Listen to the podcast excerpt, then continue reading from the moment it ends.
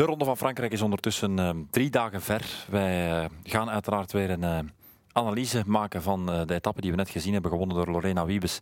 Ik zou zeggen, de analyse voor het klassement is vrij kort. Er is niks gebeurd, dus dat kan je niet echt analyseren. De analyse van Wiebes is dat ze de snelste is van de wereld, maar dat wisten we al, dus daar moeten we het eigenlijk ook niet over hebben. Dus wil ik het graag met jou hebben over de Belgen. Uh, omdat daar wel iets over te vertellen valt. Laten we beginnen met de Belg van de dag. Dat is toch Julie van de Velde, denk ik. Ook al heb je iemand die in het uh, geel rijdt. Heeft ze iets fout gedaan? Ze heeft zeker niets fout gedaan. Ze, heeft, ze, nee, ik kan ze had deze etappe dus niet kunnen winnen. Ze had deze etappe niet kunnen winnen met SD Works. En zeker door Lotte Kopecky. Um, had ze het niet kunnen winnen. Ze zat het niet, zat niet uh, op de een of andere manier uh, iets anders kunnen doen. Ze is, ze is vol voor die, voor die bolle trui gegaan. En uh, eigenlijk besefte ze toen dat ze wat voorsprong had. En is ze blijven rijden. En heeft eigenlijk altijd een goed tempo gehouden. Op een bepaald moment meer dan twee minuten gehad. Het was heel, heel nipt, maar dat heb je wel vaker. Ja. Met andere woorden, um ze heeft gedaan wat ze kon, ze heeft er het maximale uitgehaald, dus je moet tevreden zijn met deze Ze moet zeker tevreden zijn. En dan, dan nog de bolletrui en dan nog de, de prijs van de strijdlust. Dus eigenlijk twee keer dat podium op, dan, dan kan je niet anders dan tevreden zijn.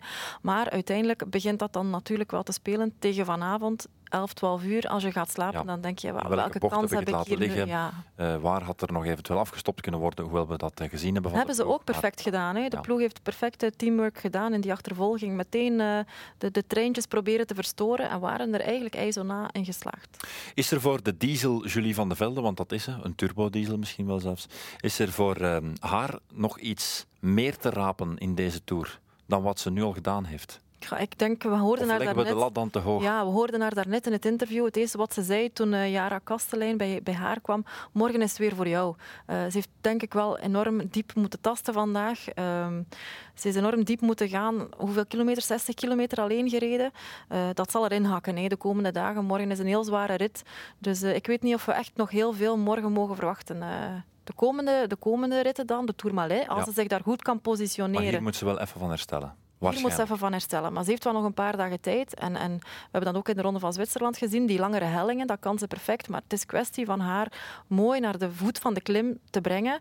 En dan kan ze wel een mooie uitslag uh, rijden op die lange hellingen. We zien haar hier voor de tweede dag op rij mooie dingen doen. Ja. Hele belangrijke vraag in het thema Julie van de Velde. Had ze meegemoeten naar Glasgow?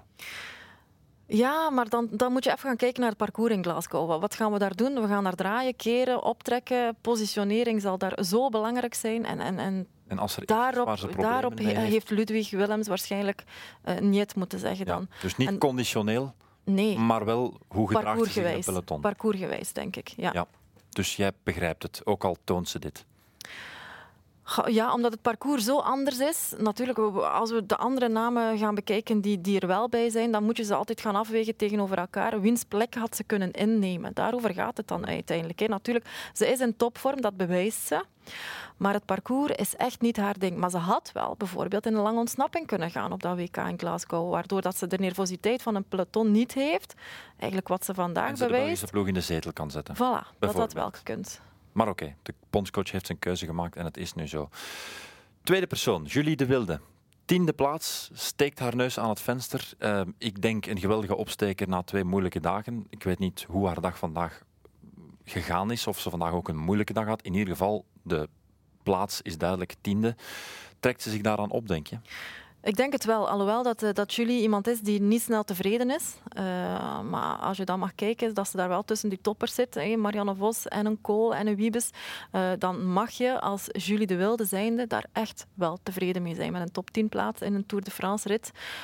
maar zij is iemand die altijd meer wil. Dus ik weet niet of zij ermee gaat tevreden zijn. Ja, Vorig jaar hebben we haar leren kennen. Uh, guitig, uh, brede, uh, kamerbrede glimlach. Linde Merkpoel, die er gekscherend ja. langs ging om interviewtjes te doen, ja. enzovoort en zo verder. Waarom kan dit jaar niet wat vorig jaar wel kon? De, de, de, eerste keer dat je iets doet, is altijd veel gemakkelijker dan, dan wanneer je met druk op de schouders... Ze heeft vorig jaar die witte trui gedragen. Iedereen verwacht, ja, gaan we weer in die witte trui zien. Dat is een compleet andere manier om naar die Tour de France te vertrekken. Wetende dat ze nog maar 19 jaar is... Nu 20. Nu 20, ja. Toen 19 jaar. Dat, dat uh, verwacht daar...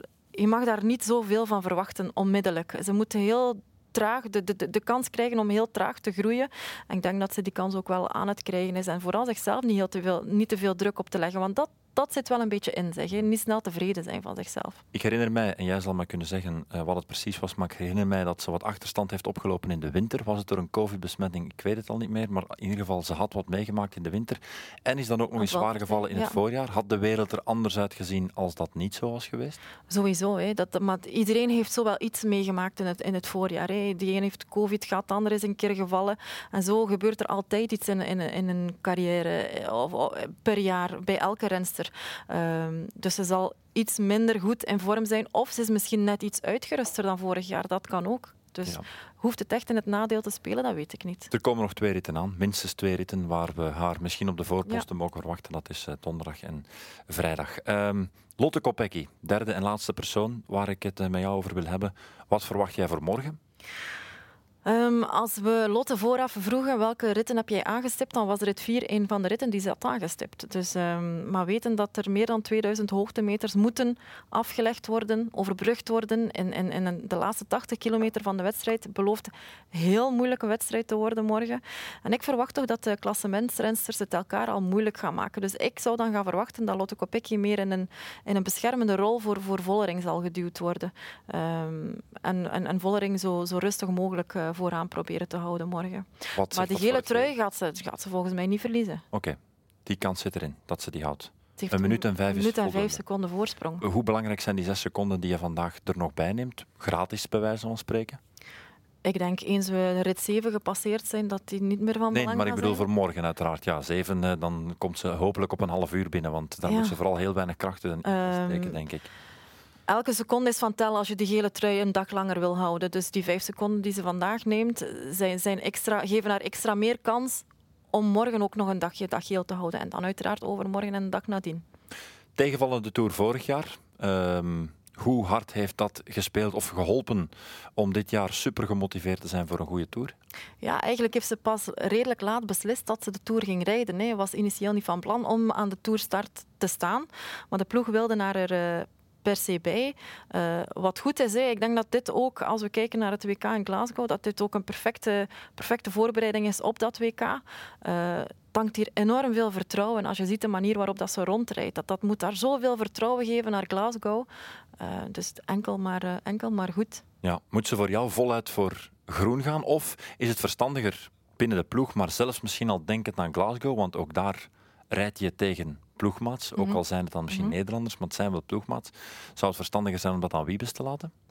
Die groene trui, ik denk eens je daar dichterbij komt, dat je die alsmaar liever wil hebben.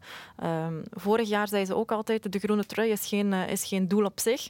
Maar als je dan achteraf de verhalen hoort en ziet in de docureeks, dan merk je dat dat wel speelt binnen de ploeg. Dat kan niet anders. Maar ze gaat daar nooit uh, onmiddellijk voor uitkomen, denk ik. Maar uh, een kampioen als Lotte Kopecky, die zo dicht bij, bij groen zal staan op een bepaald moment, dat, daar zal ze voor willen blijven gaan. Ja, al ligt de bal voorlopig wel, denk ik, nog in het kamp van Wiebes. We hebben in principe nog twee echte sprinterskansen. Het moet nog wel tot een sprint komen, maar dan kan je als winnares 50 punten scoren. De tweede krijgt er, uh, wat is het, 30 denk mhm. ik, en dan gaan we naar 20. Dus ja, je haalt wel heel veel punten in, in die sprintersetappes. Dus ik denk dat Wiebes nog altijd het meeste potentieel heeft om, om de meeste punten te scoren. En, en dan hoor je het ook telkens in de interviews. Hè. Ze zijn de koek echt aan het verdelen binnen de ploeg van SD Works. Ze weten dat de Lotte dan al zo vaak de gele trui heeft mogen aantrekken. Gaan ze dan inderdaad ook misschien sneller de groene trui voor, voor, uh, voor Wiebes willen houden.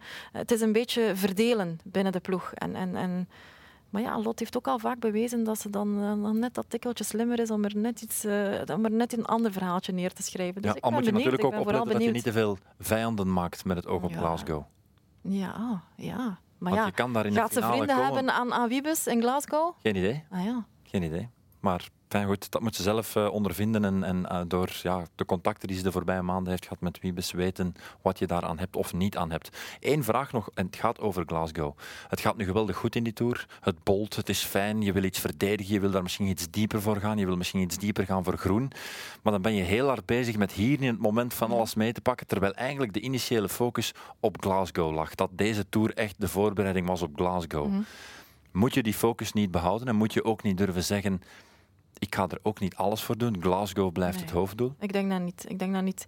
Hier tank je moet je dag per dag bekijken. Hè, en dat doet ze ook. Hè. Maar hier dank je als Lotte Kopecky zijnde zoveel vertrouwen en weten van, ik, ik ben hier een van de beste rensters die in dit peloton rondrijdt. Het peloton die straks ook aan de start zal staan in Glasgow. Dat, daar, dat is zo'n mentaal voordeel als je hier goed uitkomt. En los daarvan, het fysieke voordeel dat ze hier doet, Lotte, is iemand die heel veel training nodig heeft, heel veel prikkels nodig heeft. En die vindt ze hier perfect. Dus dit kan enkel maar ten goede zijn, denk ik dan, voor het WK. Maar je wil hier wel fris uitkomen. Je wil niet caduc uit de Tour komen. Nee, maar dat zal het niet zijn. We zitten niet met een Tour van drie weken. We zitten met acht etappes. Um, zeker die laatste etappe in die tijdrit gaat ze ook niet helemaal uh, voluit moeten gaan. Dus zeven etappes. Wat gaat ze doen in de Tourmalet? Natuurlijk, je moet daar de Tourmalet over. Je moet daar uh, liefst ook binnen tijd uh, over geraken. Um, maar het is anders dan natuurlijk voor Van Vleuten en voilà. die voluit moeten koersen. Voilà. Oké, okay, goed. Interessant. Morgen wordt een hele interessante dag. Uh, daar gaat van alles gebeuren. Daar kijken we nu al naar uit. Tot morgen.